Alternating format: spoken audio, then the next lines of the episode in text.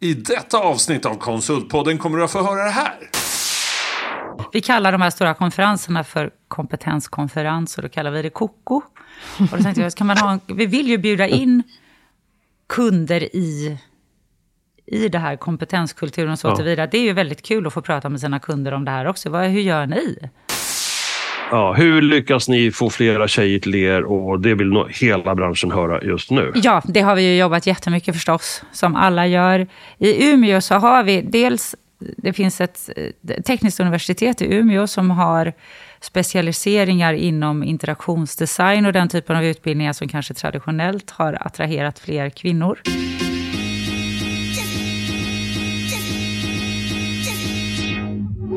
Konsultpodden, den största podden för dig i konsultbranschen. Med mig, Helena Torhage, Håkan Mild Svensson och Mattias Loxi. Bakom podden står Berotech och Synode. Konsultpodden, vi är tillbaka. Helena, hur känns det?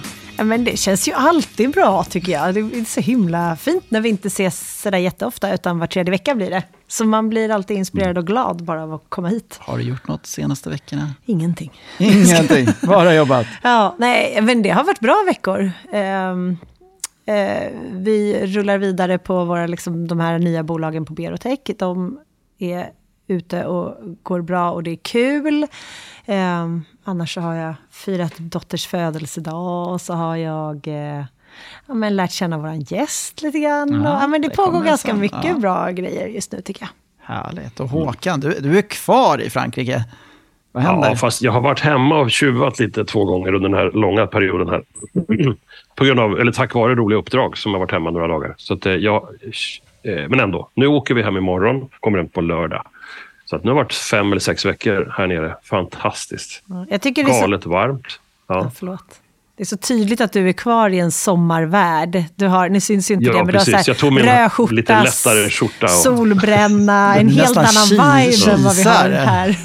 Ja, precis. Ja, men jag har ju sett att det regnar hemma nu, så att jag, jag tar med mig solen hem då, tänker jag. Ja, men vi har det gillar ni, va? just nu. Nu är det fin eh, höstväder här. Ja, men det är kul. Nu ser jag fram emot att få träffa vår nya härliga gäst. Hur är det för dig först då, Mattias? Hur är eh, alla tre kidsen? Allt är okej? Eh, nej, men det går bra. Vi, eh, vi hade konferens här helgen, Ja. uppe i Åre. Ja. Nattåg, hajka, bo i tält. Fint tält. Och sen eh, nattåg tillbaka. Nej, men det var magiskt. Men eh, Schysst. Kul man, man håller konferensupplägg tycker sina fem timmars eh, sömn som man inte fått igen än. Men eh, det är jättebra, absolut. Ja. Så det är full fart. Skönt. Men vi, vi Bra. har ju entreprenörskap som tema. Ja, Eh, förra gången hade vi startupbolag. precis. Då var ju Kamai här. Knappt funnits ett år än, men vuxit ganska mycket. Men det vuxit snabbt. Nu tar vi vidare temat och pratar eh, mer om tillväxt och när man redan är etablerad och hur man kommer vidare. Ja, och Megapoint är ju ett bolag som har vuxit fantastiskt snabbt. Så att vi har med oss Anna-Klara Söderbaum, Sverige-VD. Ja, Välkommen. Vad roligt. Hur känns det? Välkommen. Tack. det känns som att jag har väldigt stora hörlurar. det känns bra. Jätteroligt att vara här. Ja, men, eh, fantastiskt att ha dig med. Du, är- det är ju första, det är poddpremiär också. Det är poddpremiär. Yes. Ja, och jag Mm. tänker också att du sa innan att du inte gärna står framför olika kameror, så jag ska filma dig jättemycket. Men det är bra, man måste ju utvecklas att- hela tiden. Ja, men Mina exakt. kollegor har Det- väldigt roligt åt det. Ja, då utsätter Men vi det dig för att möjligt jobbigt idag. Det känns som att du skulle kunna bli en, en riktig poddare. Som En kör poddstjärna. en poddstjärna som kör varje dag. det, är, det är resultatet från lunchen här innan. Precis. Vi, vi, vi tar det det här- här avsnittet först. Du får komma ihåg att det var här det hände. Det var här det släppte. Liksom. Exakt. Mitt liv tog en ny Men. Anna-Klara, vad, vad är din roll på Omega Point? Jag är vd för Berätta. Sverige, som är en ganska ny konstruktion. Men det är alltså för våra svenska dotterbolag som finns i Mm. Malmö, Göteborg, Stockholm, Uppsala, Örebro. Och sen har vi ett kontor i Umeå som helt logiskt hör till Stockholm. Helt Absolut Helt logiskt. Ja. Gotland hör väl också till Stockholm ibland. Så Ja, det gör det. Ja. Men kan vi inte backa lite då? Hur kom du in i konsultbranschen? Nej, men Det är nu jag ska säga att redan som barn var jag intresserad. Respekt för det har aldrig Ingen någon har sagt. någon sagt. Det Men- finns inget som att det aldrig är sant. Det är därför vi vill ha konsultpodden. podden. Ja. Det är för att någon ska Hur börja. hamnar vi i det här? Jag hoppas det är många studenter som lyssnar och förstår att det här kan vara en framtidsväg. Ja, det kan vi gärna prata om. Ja. Nej, men jag, eh, jag började, vi pratade om det lite på lunchen, om när internet kom. Där i slutet av 90-talet. Och då var jag på en tidning som hette Finanstidningen. Ganska, jag jobbade på Ericsson efter jag hade pluggat. Och sen så hamnade jag på Finanstidningen och då kom internet. Och det här är då 97, 98. Och då, då var ju hela den här, nu är ni mycket yngre än jag, men Håkan kanske har koll på Icon Media Lab och Framtidsfabriken och Precis. alla de här jajamän. coola bolagen som dundrade fram. Det då. var ändå coolt även för Det mig. var ju Ja. coolt. Eh, så då började jag på ett litet konsultbolag som heter, hette då Parallell Consulting Group. Och flera av dem som jobbade där och grundade det bolaget gick sedan vidare och startade Omega Point. För Parallell blev uppköpt av Icon Media Lab och så var det hela den svängens eh, uppgång och fall. Och sen eh, när det då liksom, Ikon gick i konkurs och allting föll, då gick jag hem och var föräldraledig med min dotter. Och sen fick jag tre barn snabbt där. Bra tajmat. Bra tajmat, Ja, bra. eller hur? Mm. Eh, och sen då när jag kände att nu har jag nog gjort färdigt det här. Jag hann starta ett litet barnmatsbolag däremellan. Oj, Så sålde jag Aha. det. Ja. Och sen gick jag tillbaka till IT-branschen och då började jag på Megapoint 2008. Så att jag skulle säga att det var människor jag jobbade ihop med som jag tyckte jättemycket om, som jag gärna ville jobba med igen. Som gjorde att jag hamnade i konsult. Det är väl en, Internetboomen och bra sällskap. En riktigt bra anledning. Och så hann du vara lite entreprenör. Ja, det hann jag faktiskt. ja, där. Ja. det kan vi gå in på. Ja. Var kom den entreprenörs... Nej, men det, Men Anna-Klara, ja. förlåt. Jag tänkte bara, du var, du var på Ericsson och så hamnade du i den här konsultvärlden. Vad var, vad var största skillnaden? Du bara, det är ju många år sedan, men du kanske har Ja, det är ju många år Mm. sedan. Alltså, nej men jag tror att det var så här, på Ericsson så jobbade jag då som, jag pluggade systemvetenskap och där började jag som programmerare. Och då är ju det en stödfunktion i en jättebäst.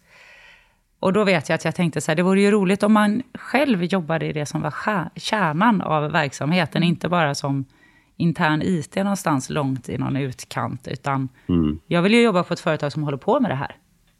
Ja. Eh, och, sen, och då, som sagt, det här med konsultbranschen började ju poppa överallt. Man hörde ju att det, där verkar det hända mycket. Och internet och nu ska vi förändra världen och all den här energin.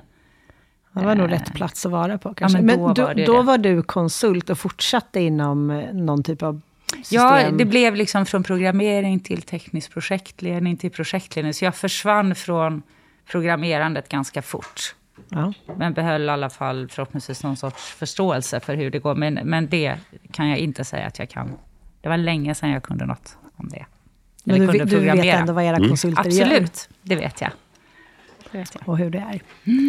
Häftigt. Men ska vi dra lite bara, tanken är lite att nu har vi kört startup och nu är entreprenör, fortsätter ju man skala i sitt bolag. Kan ni köra lite så här kort resan och Megapoint, hur många var ni när, när du kom in? Gud, jag började då på Stockholmskontoret och då var vi väl 45 pers där kanske. Det var i september 2008. Och då fanns det ett... Precis när jag började så höll vi på att förvärva ett bolag i Göteborg. Och i det förvärvet så ingick en Malmö-del. Så där kom liksom Göteborg och Malmö till. Så. Medan vi i Stockholm, där gjordes något litet förvärv innan jag började, men där har vi i huvudsak växt organiskt. Så fått leva ganska ostört och är då drygt 300 idag. Och sex, vad är vi i Sverige nu? 650, 700 kanske och, och närmare 1000 Vilken med resa. Norge. Ja, men det har ju tagit ett tag också. Ja. Sen blev det lite hockeyklubbar, det gick väldigt fort på slutet. Men, så Omega Point grundades 2002. Så Tusen pers. Ja, typ det mittemellan ju- snabbt. Jag vet inte hur man ska, ni som träffar mycket Ja, men folk. det är- ja, men det är väl ganska... det är väl bra. Ja, Ni nästan dubblade förra året. ja förra året var året. väldigt Men är, yes. intensivt. Men vill du berätta lite om Omega Point också, så vi Ja, förstår? Omega Point startades då som sagt 2002 i då en rejäl lågkonjunktur för, eh, ja, för konsultbranschen, men IT-branschen. Första tipset, starta ditt konsultbolag i... I lågkonjunktur. I lågkonjunktur. The only way is up. Yes. Och konsultbolag, det vet ju ni, det är tacksamt på det viset att det är lätt att få igång. Eh, man har tre pers och så säljer man sina timmar och så tjänar man lite pengar, typ på direkten. Eh, så det är ju liksom en, det är ju en cashflow-verksamhet. Det går fort upp och det går fort ner. Eh, jag tycker det är ganska härligt. Det är en väldigt ren affär. Man säljer sin tid. Så, så du, du behöver inte hålla på en massa eller investera en massa pengar. Du tar ingen jättestor risk. Så. Och då anställer vi ändå. Man kan ju leva ännu mer riskfritt med friare konstruktioner. Mm, så som vi gör, ja. Som ni gör, ja. Precis. Exakt. Och Men vad gör ni? Vilka, vilka kunder har ni? Ja, vad gör vi, ni? eh, när man startade då så var det i den här djungeln av systemutvecklingsbolag som kom då tillsammans med internet så, så fokuserade vi väldigt tidigt på säkerheten kring internet. Det var ju helt oreglerat. Ja, där och vi lever ju fortfarande som- i den världen att få ordning på det. Det var någon som jämförde det med pirater på vattnen före när sjörövarna fanns. Alltså, men man, upp, man uppfinner och säger någonting jättestarkt tekniskt. Lite som AI nu, så pratar man om precis om vad finns det för risker med det här? Och man kan inte, man kan inte stoppa utveckling. Men man får ju inte bli dum i huvudet heller. Det där kan man väl... Det är ju jättesvårt. Jag har inget svar alltså. Nej, men, Men- du har nog väldigt rätt Men- i det. men och det är väl alltid För man kan så. inte stoppa utveckling och människan vill utvecklas. Ja. Men varför utvecklar vi bara för att? Ja, Tänker jag på och, ganska ja, mycket. och hur ska man liksom göra det på ett vettigt sätt? Det blir ju lätt att man låter motsträvig som Nej, ni får inte använda ChatGPT. Det, går, det kommer allt gå åt helskotta. Eller ända fram till Max Tegmark, Mm. Tegmark, nu ska vi alla dö. Eh, Men folk trodde väl att man skulle dö när el kom. Då skulle allt brinna upp och när bilar kom. Och allt, Ja, det gäller att där är ju typ svårt, samtidigt som man inte får... Det, det får inte gå ut över någon. Exakt, Eller- men när bilarna kom så körde ju folk hur som helst och det fanns inga trafikregler och man eh, hade inte Det är bälte. typiskt dåligt. Ja, och det blev Fast det ganska är ändå bra med bil. Det är, ja, för det är ganska tydligt sen att ett bälte hjälper. Alltså Ja. det var ju några saker som gjorde stor skillnad. Höger och vänstertrafik kanske. Precis. Um, Så det var väl där var Omega Point tidiga med att med säkerhet kopplad till inte bara systemutveckling utan stora datamängder. Vad, vad är det för information vi sparar och hur, hur lagregleras det och vem får komma åt vad och vad får man göra med informationen och hur bygger man säkra system från början så att vi inte behöver hålla på och täppa till läckor hela tiden förhoppningsvis. och jag funderar på, ni kallar er för ett växthus för lärande också. Mm. Vad betyder det? Nej, men när vi då grundade Omega Point och som sagt var väldigt tidiga med det här att koppla ihop säkerhet och utveckling. Jag tycker fortfarande att det är ett väldigt intressant, det är ett intressant koncept och det är svårt. Eh, och det är ju inte så att man en dag löser det problemet och sen är det löst. Det kommer ju komma något nytt. Ja, det Någon kommer komma på nästa bra grej och så, ja, och så kommer det finnas för och nackdelar med det och sådär. Ehm, så vi har den här lilla taglinen Omega Point säkrar utveckling. Är det inte fantastiskt? Ja, då landade ni alltid bara några Och ord, det då kommer jag ju över till din fråga om växthus för lärande. För väldigt tidigt då när man startade Omega Point så var det så här, men vad vill man ha för människor här hos oss då? Förutom att man ska vara intresserad av de här, men det är ganska brett, men säker digitalisering då, om man säger. Så det kan vara mer eller mindre tekniknära. Eh, så vill man ju ha människor som, som vill lära sig mycket och som är nyfikna på det här och kanske inte alltid vill ha färdigtuggad mat utan vill bidra och vill fortsätta lära sig och tycker det är viktigt. Och just som konsult Och vill lägga tid på det som väldigt- konsult. Och vi låter folk lägga en del, inte obegränsad mängd tid. Vi konsulter, vi lever på våra timmar, så fakturerbar tid är liksom det vi äger.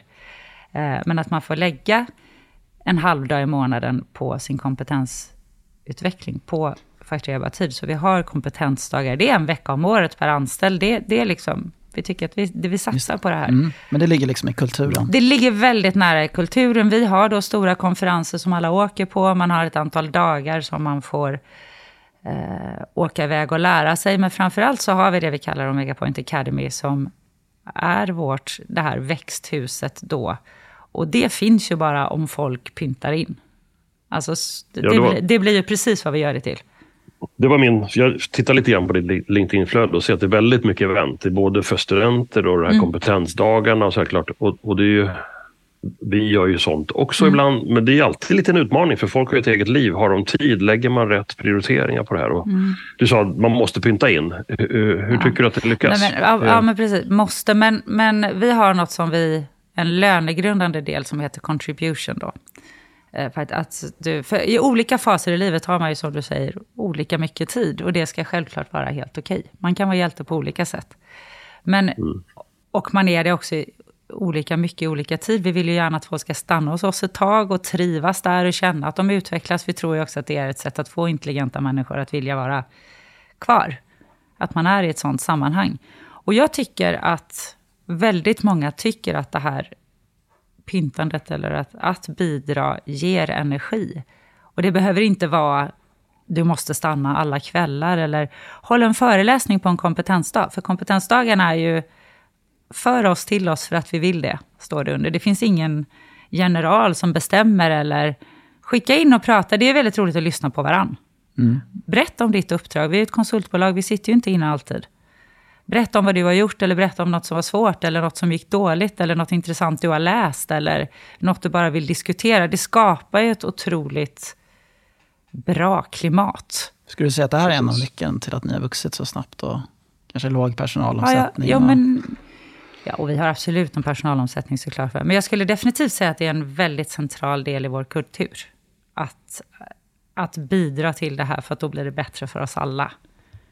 Så det är en väldigt så här är- kollektiv tanke. Och så har ni trainee... Ja, jag tror det är helt rätt. Ja. Ja. Jag tror det är helt rätt att, att, att, att öppna upp för den dialogen att du, du väljer själv om du vill vara med och du er- erbjuder frågeställningar som gör att jag kan få vara duktig och visa mig och hjälp, få hjälp av andra. Det är så som många fler borde göra för det kommer ju locka Självklart energin kommer hamna in på rätt ställe då för att man vill. Det är ingen general som pekar om du inte är Nej. där. Skicka mejl. så Varför dök inte du upp idag? Alltså det blir också en trist kultur. Verkligen, om det är så att ingen skulle skicka in några föreläsningar, men då ska vi väl inte ha några kompetensdagar då? För då är det väl Nej, ingen som vill ha precis. det. Det blir ju liksom lite Ja, så här precis. Mm.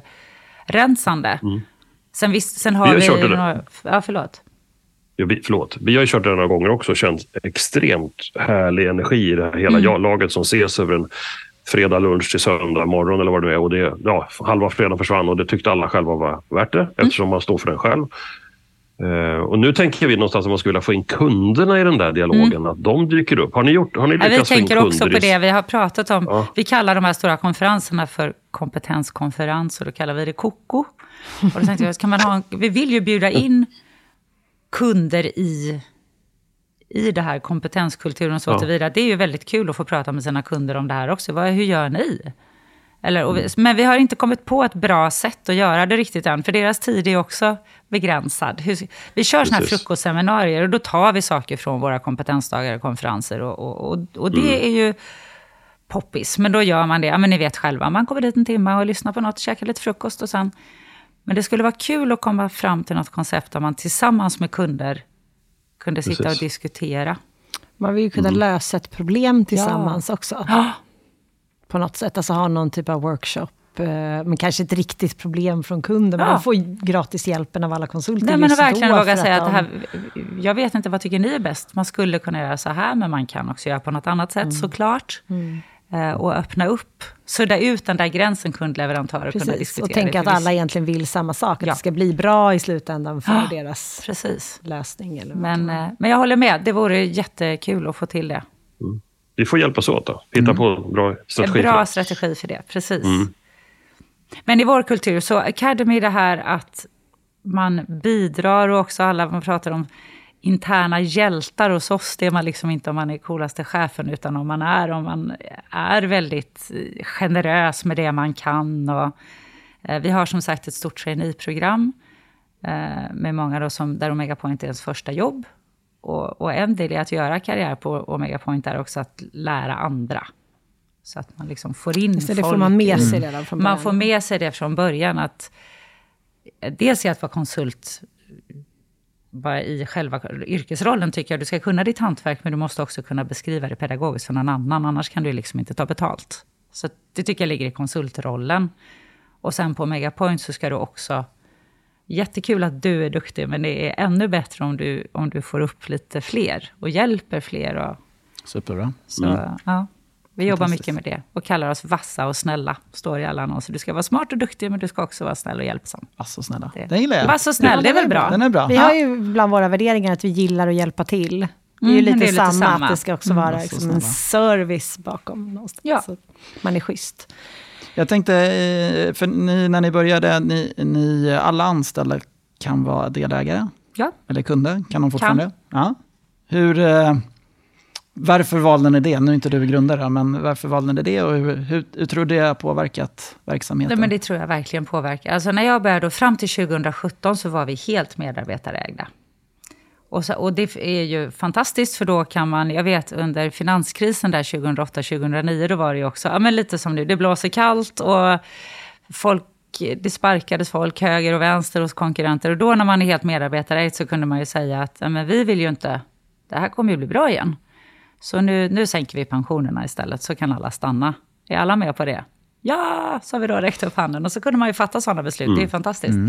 Men, man, man, sa- som vi var inne på innan, ett konsultbolag, vi har ju inte en stor kassakista där man sparar pengar, utan det vet vi ju alla här i rummet. Att, Jag bara skrattar. Ja, men eller hur? Det, det, det kommer in pengar, det kommer ut pengar. Det flyter pengar genom verksamheten, men det finns inget. Så, att, så att då får man ju växa organiskt, apropå förvärv till exempel, som vi pratade lite om tidigare. Det är ju svårt. Så, och vi ville ju växa, vi ville bli mer. Vi tycker att vi har något viktigt att erbjuda och, och ville växa till ett större bolag. Så då tog vi in externa ägare 2017. Och det var ju läskigt. Men de var väldigt snälla. Men, men, men, Både vassa och snälla var de. men medarbetarna finns kvar också? Ja, så då var det en minoritet. Då sålde vi ungefär 30 procent av bolaget. Och sen här nu 2021 så sålde vi, så sålde vi och vår minoritetsägare vidare då. Så nu, så nu äger vi knappt hälften fortfarande. Så medarbetarna var tvungna att sälja en Ja, del. Ja. Hur, hur, hur, hur valde ni liksom investerare? Nej, men det var ju någon som värdesatte kompetenskulturen. Nu låter det här väldigt klyschigt, men så var det faktiskt. Att, eh, de köper ju ett konsultbolag som de förhoppningsvis ser då potential i. Vi har en finansiell ägare som låter oss sköta verksamheten och sålde då delar. Eh, och som förstår och instämmer i att det här är ju vägen att gå om man vill bli en attraktiv arbetsgivare för intelligenta människor. Och så blev vi ganska uppvaktade faktiskt. Och så pratar man med dem och så granskar de ju oss förstås att allt går rätt till och att det ser bra ut och att det finns vidare potential i den här verksamheten. Eh, och så valde vi egentligen att det, lite, det är känsla också att det, att det känns rätt. Har det, har, det det på, rätt. har det påverkat verksamheten efter ni tog in? Det har det ju förstås för, för oss som sitter när, alltså i ledningen och i, i resultatet och sådär. Men för de flesta medarbetare tror jag inte det. Eh, Att vi har växt fort har ju absolut påverkat alla. Men inte själva ägarformen. Eller, de är väldigt... eh, Alltså låter oss sköta verksamheten. Så det tror jag inte. Men det mycket var att ni ville också förvärva bolag och Ja, det, ble, Springa det blev ju liksom efter det då. Det är den stora fördelen med att ta in ett nytt, nytt ägande, att man får lite större muskler och får möjlighet att göra, och investera på ett sätt som man inte kan när man bara lever hand i mun på det sättet som var innan. Precis. Kan du ge några tips? Eh, Det kanske finns fler bolag som är i det här läget att kanske någon gång fundera på att göra det. Du har gjort det, jag vet att Mattias har gjort det Ja. också. Att liksom, vad är, det finns några takes här. Det finns säkert massa oro. Det kanske inte var alla delägare som ropade upp handen och sa ja, vi sänker pensionen, sa du. Nej. Ja, vi säljer halva bolaget. Det är inte Precis. riktigt lika självklart. Nej, Eh, exakt. vad- är det, finns det två, tre tips? Både det här behöver ni tänka verkligen på och det här skulle vi ha gjort bättre. Om, Tittar du jag på dig Mattias, ni har gjort samma resa. Men, eh, nej, man, kan ju allt, man lär sig ju alltid hela tiden. Jag tycker vi har ju som sagt valt ett finansiellt ägande som litar väldigt mycket på att vi kan den verksamheten. Sen är det klart att de har frågor. Mm. Och, och nu, det har varit lite bistrare tider ett tag. Hur hanterar ni det och sådär? Det vill, det vill man ju veta. Men jag, jag tycker... Jag kan tycka att det är lite roligt också. Det är lite också att någon bryr sig. Mm. Ja, det det, blir ju lite- väldigt ja, eh, liksom, mjukt när man är helt... Mm. Ja, man får ju liksom sträcka på sig lite Mm. och, och presentera det här bra och liksom sälja in sitt bolag. Jag tycker att det är rätt... Jag tycker att det är roligt och så ger det ju... det är ju smickrande att någon vill köpa in sig i oss för en massa pengar. Men det är lite speciellt, kan- tänker jag, att eh, investmentbolag går in och köper hälften, men Ja. att de fortfarande har medarbetarna De har som ägare. 51 procent. Ja, 51. Ja. Och sen så har vi en delägare i Norge också, så att medarbetarna äger väl ungefär oh, 40. 38-40. Och, det, och det var också en, att så ville vi ha det. Men jag tror att de som investerare, vilket jag tycker är klokt, så vill man ju förstås se att personalen återinvesterar så Ja. mycket som möjligt. Absolut. Annars så tar de Ja, sina det- stålar och drar. Och det, vad har Ja, man då ju min- köpt? Jag kan tänka mig en av de, dina tips borde vara liksom att hitta en finansiär som har ungefär samma värderingar så att man inte bara tittar på Excel-arkets sista rad Ja, varje kvartal.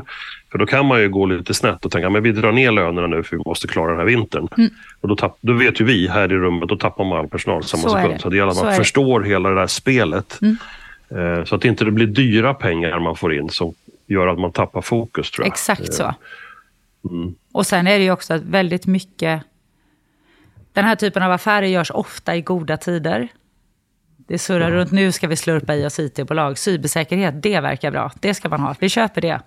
Och sen Precis. kommer det en lågkonjunktur, för det gör det alltid förr eller senare. Och då är det Mm. precis som du säger, korta åtgärder. Det var, det var väl eh, SAS nu, som Ja. precis har gått åt pipan. Ja. Och då hade han Precis. ju kommit ut av vdn och sagt att en av de största misstagen vi gjorde, det var att vi sparkade folk under pandemin. Vi, vi hämtade aldrig hem det sen.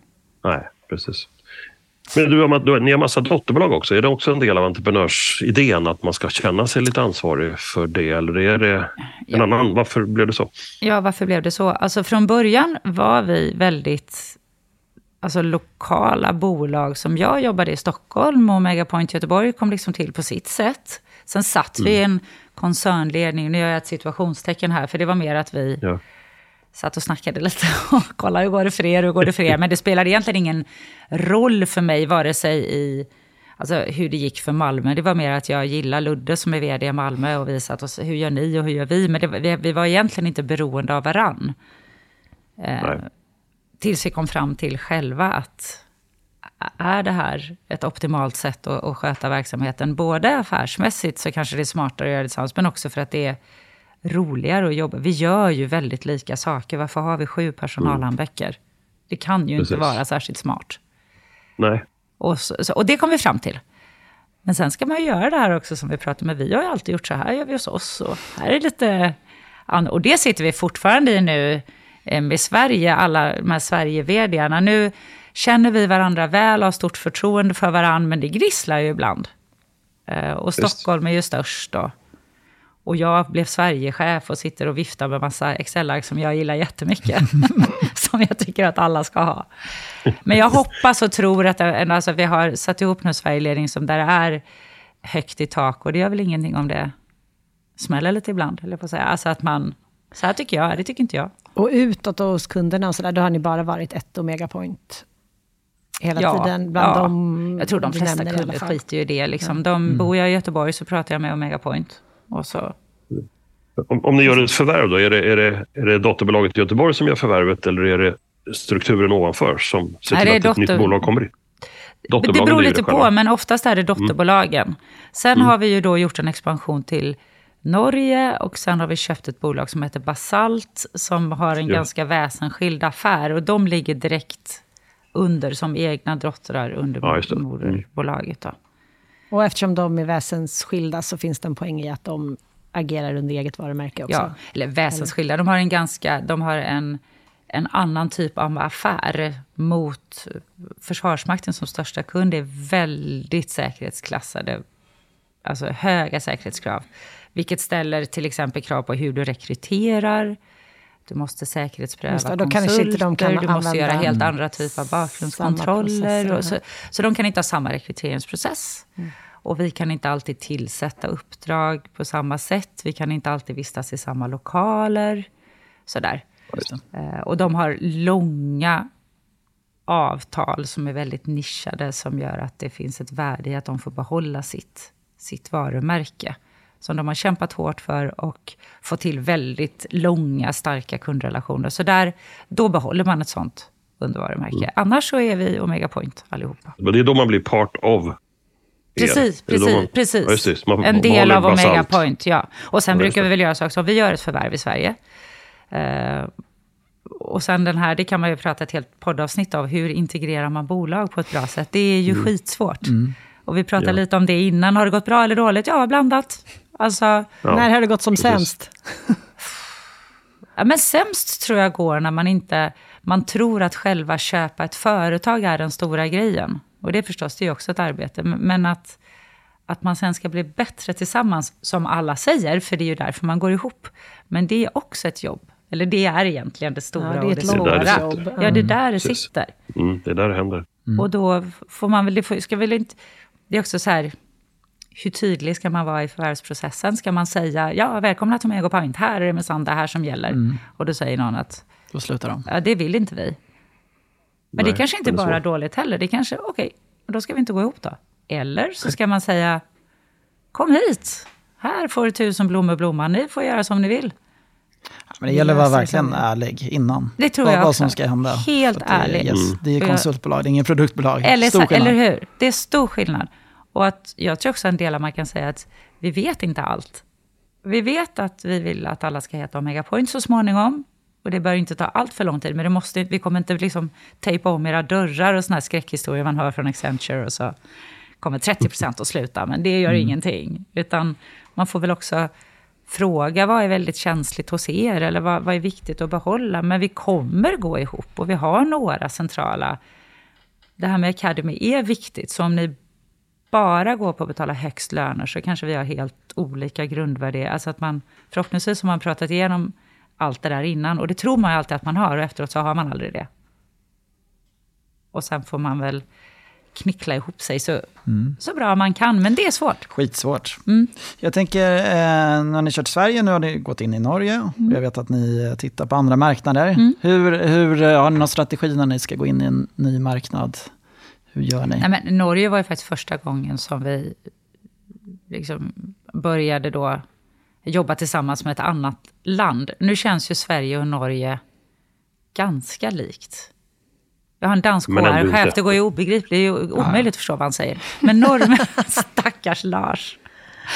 Eh, Medan norrmännen känns...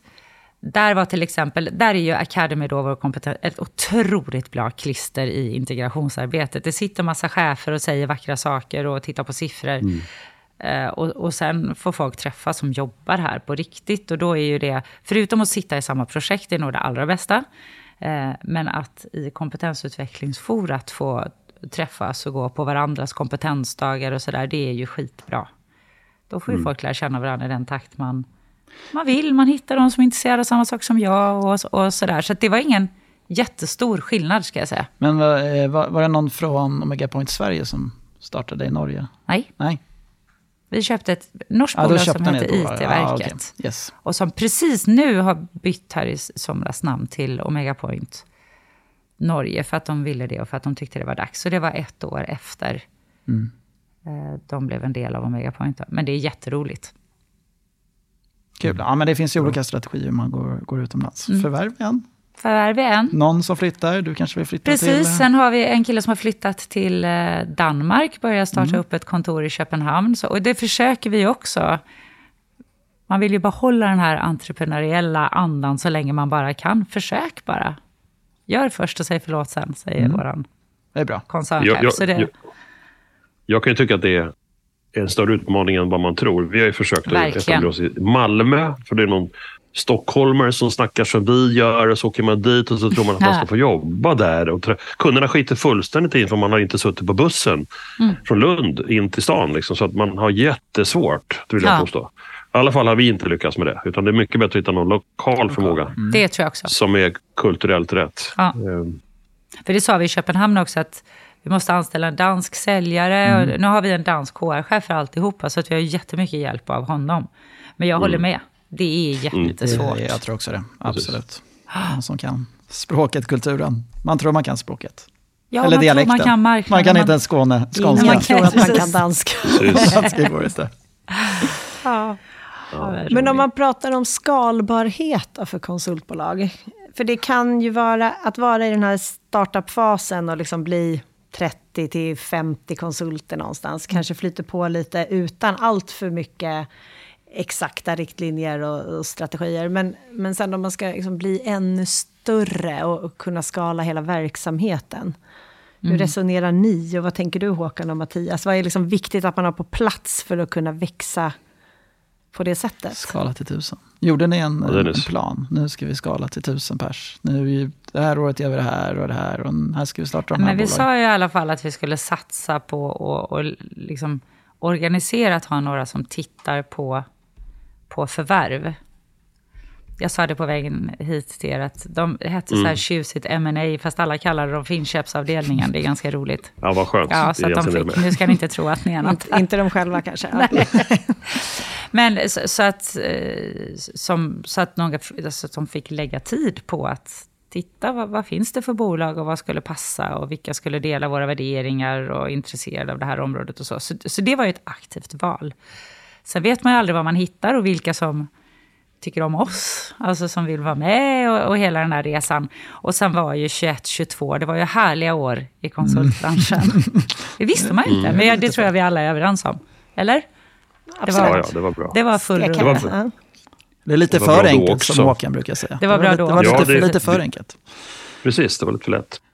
Ja, men min take på det där är ju att skala saker är ju någonstans att återanvända någonting en gång till. Mm. Och det är inte riktigt det vi hör nu och vi har ju heller inte lyckats med liksom, en timme är en timme. Har vi fler personer och fler kunder så är det en volymökning, men det är inte en skalning tycker jag. Skalning är väl att man liksom lyckas sälja samma kunskap flera gånger samtidigt i teorin mm. om inte annat. Att, att återanvända det smartare. Jag menar, det du gör Mattias, ni säljer ju licenser. Det är ju skalbart. Mm. Ni lägger skitmycket tid på att ta fram en tjänst, en produkt. Och ju fler som köper den, det är då det blir skalbarhet tycker jag. Annars är det ju mer att man sen, eh, vi bygger volym. Vi, behöver ju, vi jobbar jättemycket med skalbarhet. Liksom. Hur mm. skalar ja. vi så att säljarna börjar jobba på samma sätt och att det går mycket mer effektivt och mm. onboarding Precis. och komma in och så vidare. CS och, och jag menar, och det kommer kunder som mm. önskar er nya produkter eller tjänster. Ja, men vi, vi har med det i vår roadmap och ni alla kunder får ta del av det nästa halvår. Det är ett sätt att ta mer betalt på flera ställen samtidigt. Mm. Det du och jag pratar om nu är ju någonstans att skalbarhet i hur vi smart rekryterar bättre. Att vi träffar nya kunder på ett mycket smartare sätt. Det är också en skalbarhet, tänker jag. Eh. Absolut. Och sen, vi, vi jobbar jättemycket med hur man levererar mer effektivt. Ja. Enheten blir fortfarande en timma. Men eftersom vi, ja. vi, eller eftersom, som om alla vet det, vi har stora traineeprogram där vi tar in människor direkt från skolan för att vi tycker att vi är duktigare på att lära människor snabbt än vad det är att rekrytera någon som har jobbat i flera år. För att det är svåra personer att hitta eh, och de är dyra. Och istället att utbilda då folk själva enligt de metoder och principer för utveckling som vi tycker är väldigt bra, så har man någonting att tjäna på det. Och då tycker vi att vi skalar på det sättet att vi i större och större utsträckning så levererar vi då det vi kallar åtaganden, vilket inte betyder fast pris, utan det betyder att vi får sköta bemanningen. Vi skickar mm. inte in ett CV. Utan vi, vi i princip garanterar en produktionstakt, eller vad man ska säga. För vi får sätta ihop våra team. Vi kommer utbilda dem. Om någon är sjuk sätter vi in en annan. Ni, kan, ni behöver, kära kund, inte oroa er för det. Och vi kan då använda vår leveransmodell som vi har gjort många gånger förut, som man får lära sig från början i traineeprogrammen. Du får en techlead som är van vid att jobba på det här sättet. Och där för det första blir det otroligt utvecklande och hänger ihop med det här att du ska liksom levla andra i ditt uppdrag som lead. Det blir väldigt effektivt som kund, du behöver inte bry dig om det där.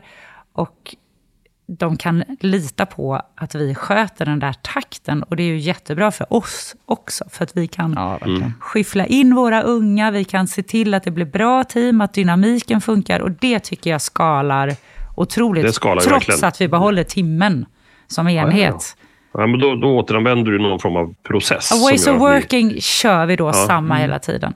Perfekt. Precis. Jättebra. Jättebra. Det svåra är att förklara, tycker jag, det är väl alltid det med kundnyttan. Att nej, det är inte så att du förlorar kontroll på att inte läsa våra CVn, utan du, du vinner kontroll på att vi, vi tar det ansvaret. Mm.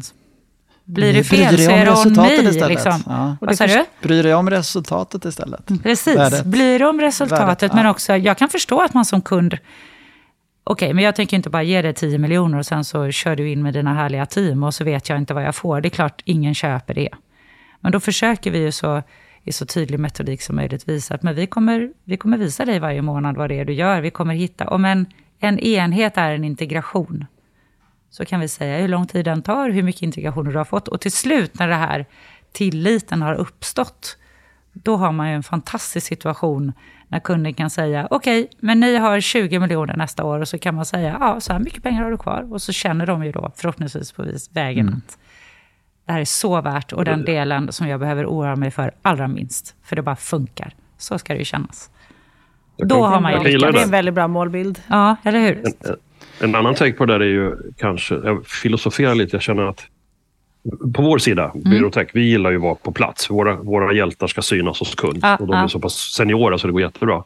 Och då blir det en timme, en timme och det de kan, det gör de. Så yeah. det är klart att det skalar inte någonting. Men jag kan också känna att det finns allt för många kunder som ännu inte riktigt har förstått hur man ska i fråga, eller hur man ska upphandla, på vilka grunder mm. man gör sina val. Utan man är så osäker. Det blir en lång spes och det ska innehålla allt. Och där kommer Mattias system in som stödjer kund att köpa rätt och leverantör att sortera ut vad det riktiga kravet var. Men om man kan komma förbi det säga, det är som att lägga ut jobbet på en advokatbyrå eller på en verkstad. Men vi fixar det här åt er. Vi har mm. de bästa, vi har de bästa systemen. Exakt. Då lyfter man ju leverantörens värde som bolag snarare än att det är enskilda individer. Mm. Och kunden slipper vara orolig som säger, men köper jag rätt nu? Jag får ju helt plötsligt ta hela ansvaret fortsatt själv. Mm. Och det blir en oro i det och det blir, då ser man, är det värt det? Kostar det för mycket? Och så, jag tror att konsultbranschen skulle må bra av det du gör. Ja. Eh, om man men om man gör det så i kombination med det ni gör, för det är klart att senior expertis, vi har ju också såna här rådgivande tjänster och så, det är ju något helt annat än en ja. systemutvecklingsproduktion, eller vad man ska säga. Precis. Så, så Precis. kombinationen av de två tror jag mm. vore Precis. perfekt. Ja, det, är bra, det är bra att positionera sig så att man känner att man tillför något. Mm. Men det... det finns mycket paketering. Det har vi pratat om förut också. Men, ja, eh, paketering, ja. Ska vi, vi ta lite våran... Vi behöver faktiskt... Jag måste bara ställa en eh, fråga. Ja, ja, Förlåt, okay. jag, jag har ju till och med suttit här och förberett mig. Du skrev någonstans i något inlägg om att kvinnliga ingenjörer hos er är oerhört framgångsrika just i Umeå. Eh, har jag skrivit det? Ja, någonstans. ja, men det är det faktiskt. Veta, ja, hur lyckas ni få flera tjejer till er? Och det vill nog hela branschen höra just nu. Ja, det har vi ju jobbat jättemycket förstås, som alla gör. I Umeå så har vi dels det finns ett eh, tekniskt universitet i Umeå som har specialiseringar inom interaktionsdesign och den typen av utbildningar som kanske traditionellt har attraherat fler kvinnor. Nu ökar ju faktiskt vi att vi rekryterar från eh, väldigt många civilingenjörsutbildningar. Men i Umeå då så har de fler kvinnor på de här linjerna. Och vi har haft turen mm. och lyckats knyta till oss starka kvinnor på Umeåkontoret och som också brinner för de här frågorna. Eh, så det har gått väldigt bra och vi andra försöker lära oss av det. Sen engagerar vi oss mycket tillsammans med Datatjej som är en fantastisk alltså, akademisk förening som ni säkert känner mm. till. Mm. Ja. Och där de här studentkonferenserna då som vi har för att eh, visa upp oss, dela med oss av de här. Det är som att bjuda på en sån här konferens som vi har. Mm. Och det är ganska tekniskt djupt och vi släpper biljetterna på Datatjej. Och det var rätt roligt, för första gången vi gjorde det så tänkte vi att de kommer aldrig vilja komma. Alla arbetsgivare är där och surrar. Och, ja. och vi kommer få åka runt och bara så här, snälla, snälla, du får tusen spänn om du kommer på vår konferens. Lite. Men det blev faktiskt inte så. Och det tror jag mycket var, nu ska jag inte citera de som var där, men det vi har hört det var mycket det att vi inte fokuserade på just att nu är vi här för vi ska rekrytera kvinnor och ni vill ha det så här. Utan vi är Nej, ett teknikbolag. Punkt. Så nu, mm. nu pratar vi om programmering en mm. timme. Ja, Eller om... om så här. Mm. Annars kan man ju lätt känna sig lite inkvoterad på något sätt. Det blir så konstigt. Vi önskar ju alla att man inte skulle behöva göra skillnad alls. Nej, det är det precis. som är själva idén. Ja. Uh, och sen är det ju så också, det, det är ju fortfarande fler män än kvinnor som går ut från universitetet på de här utbildningarna. Vi behöver i alla fall representera dem, annars har vi ju de siffrorna, annars ja. har vi misslyckats helt. Men Umeå är duktigast av våra kontor med det. Bra. Schysst. Men det är bra tips då. Positionera nära sådana utbildningsställen där det är mer tjejer och på något sätt göra en, ett intryck. Det låter ju skitsmart. Och mm. inte kvotera in dem, utan de är där för sin egen skull. Och Absolut, skull. och sen kan ja, vi bli skitbra. bättre också. Vi kämpar på. Ja. Men Håkan, Ja. Hur går det för dig på jobbet? Du var Det ny, du, I förra jobbet. avsnittet var du ny på jobbet och nu har du ändå gått Ja. några veckor. Ja, men Så- precis. Jag, sky- skylten håller på att tas bort. Den Ja, ny precis. på jobbet-skylten. Du- Ja, men det du känns jättebra. Nej, men du, så här Det- är det ju, du har ju ett nytt eh, konsultuppdrag och vi pratade lite om dig förra veckan. Ja, men har du precis. stött på någonting sen sist? Är det något som är en utmaning? Eller hur tar du dig an det här? Ja, men vi, vi har, jag har gjort en, håller på med en handlingsplan för att på något sätt... Jag blir lite grann det du pratar om nu. Eh, eh, om att försöka jobba strategiskt med tillväxt eller utveckling. Hur ska vi hitta andra entreprenörer som vill hänga med oss? Så det är liksom mitt, mitt uppdrag. Och nu, det kräver massa jobb i marknadsföring, bygga content så att man får en relevans på alla möjliga kanaler och det håller vi på med nu. Och jag har redan en dialog med två entreprenörer som bara vill vara med oss och nu kommer man i det här lä- läget. Mm, skitbra, men vi måste förstå varandra. Är det här rätt för oss? Passar det dem? och så där? Passar det våra kunder? Så det är, liksom, det är lite grann plattan i botten-känsla. Det går lite för fort ibland, men det är skitkul med ett nytt uppdrag. Ehm, så att det, det känns superspännande. Och, eh, vi letar ju efter en, en, en komplettering till vår affär idag som vi inte riktigt kan nå genom att vi är så superseniora. Vi vill liksom addera andra tjänster som våra kunder redan behöver som inte vi kan leverera. Så det är inte någon rocket science, men hur långt från kärnan ska vi gå för att ändå behålla vårt varumärke så att kunderna känner igen oss? Eller ja, hur långt sådär. Så vi är väl inne i det här med, fast vi inte gör vi har inga uppköp, utan vi ska ju locka fram människor att våga göra det här med oss. De får ta hela risken själva och vi går in som minoritetsägare. Men det är ändå härliga dialoger av, av kreativitet. Det är jätteroligt. Men det kan jag tänka mig. Men jag tänker att du bygger ju skalbarhet på Berotech. Ja. Du ska hitta det här receptet och du, ni ska väl starta Precis. hundra bolag. Nej, men du ska väl hitta det här Ja, receptet men- och sen är det bara... Hur många om. bolag vill ni bli? Om ni får välja. Ja, men vi, tänker, vi tänker kanske ett eller två om året ska adderas. Eh, och de ska inte vara med oss mer än fem, tio år säger vi. Sen är de så klara så att de inte behöver oss. Så det, vi vill ju hjälpa dem att bli så framgångsrika som möjligt, så fort som möjligt. Men det går inte att göra på tre år. Då hinner man inte med tror vi. Så att fem, sju år. Sju Och lyckas vi med det att vi får in en eller två en per år, då har vi någonstans var sjunde, ja, efter sju år så har vi någon som ploppar ur. Just. Och så ploppar ut en ny nästa år. Men då är det bolag till. med tillväxtambitioner som ni tar in. Ja, absolut. absolut. Och inte, vi har ju ett upplägg där alla kör eget. Vi tror ju att vi vill komplettera det med, med lite grann som ni gör. Kanske yngre människor, kanske andra tjänster, men att de anställs. Då ska vi göra dem en riktigt härlig resa och lära allt vi kan om konsultbranschen och beteenden. Och, och så öppnar vi dörrarna åt varandra på våra kundsidor. Så liksom det ska väl vinna, vinna, vinna då, tänker vi. Så Och det är man- jättekul. Man Ja. lär sig otroligt mycket av de här yngre förmågorna kan jag säga. Man Absolut. blir helt, det var Absolut. en arkitekt som sa så mycket ut och blev helt svettig. kom någon ny från KI. Han bara, fy fan vad duktiga de är. Vad jobbigt. Precis. Men nu, hörni, nu, känna. nu eh, får nog avrunda här. Men vi, vi, har en, vi Ja. har ju en temafråga här under hösten. Ja, Eh, hur får vi fler att ta steget till att bli entreprenör? Vi har ju touchat det precis, men vi vänder oss till dig, Anna-Klara. till mig. Men då tror jag faktiskt att, alltså att det beror ju helt på vad det är för bolag man vill starta. Då tror jag att av alla bolag att starta så tror jag att man kan våga ta steget till konsultbolag ganska först. Av det jag sa precis i början, att man faktiskt kan... Jag kan någonting Ganska som jag hoppas igång. eh, kan, eh, någon skulle vara intresserad av att köpa. Så kan jag ju i princip bestämma mig på söndagen och eh, nästan sälja mina tjänster på måndagen. Måste registrera något bolag bara. Eh, så det tror jag är en ganska liten eh, väg att gå. Och, så, och sen så knyt ihop dig med några som du litar på som kompletterar dig själv bra. Så att man kan bygga någonting lite större. Ja, bygga något lite större. Och man vet ju ändå att man inte är bra på allt själv. Så i alla fall att vara några stycken tror jag från början. Och så bara, nu, nu kör vi det här. Och så köra i, nu, ni har ju startat bolag mer än jag, höll jag på att säga. Men jag skulle säga, starta i liten skala och sälj det och få det att funka. Så förbered dig inte i tre, tre år och lägg massa tid och massa pengar innan du har kommit igång.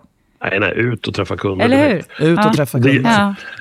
För mig gäller att liksom, entreprenören är ju... Det får inte bara bli att man ändrar sin egen ersättningsmodell från att vara anställd konsult till att bara starta eget och tycka att ah, men nu är jag klar.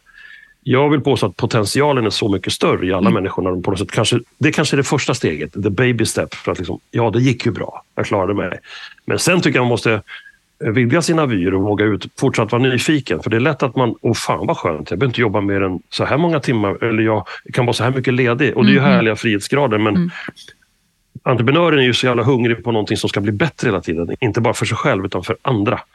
Så Ja, det men gäller att liksom jobba för det högre syftet. Var- Varför, vi behöver ju inte ett konsultbolag till på denna jord. Vi har för många redan, tycker jag. Mm. Det måste tillföras någonting. Liksom.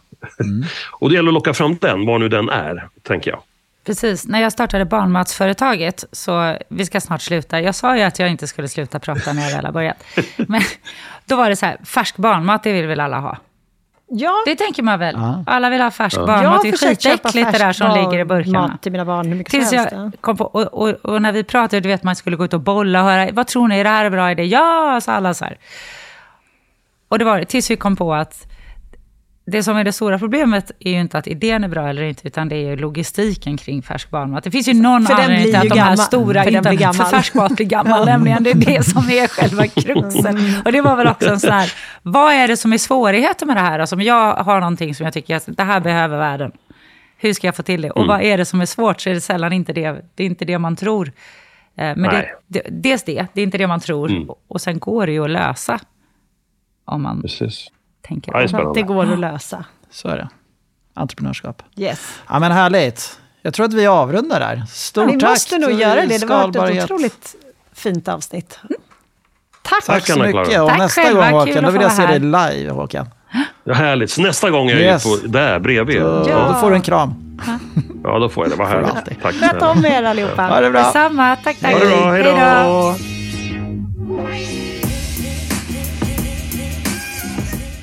Nummer 81 av Konsultpodden var det där. Och idag gästade Anna-Klara Söderbaum som är Sverige-VD på Omega Point. Du har också hört mig, Helena Torhage, och min kollega Håkan Mild Svensson. Vi är på Berotech. Och sen så har du som alltid hört Mattias Loxi från Synode. Och vi har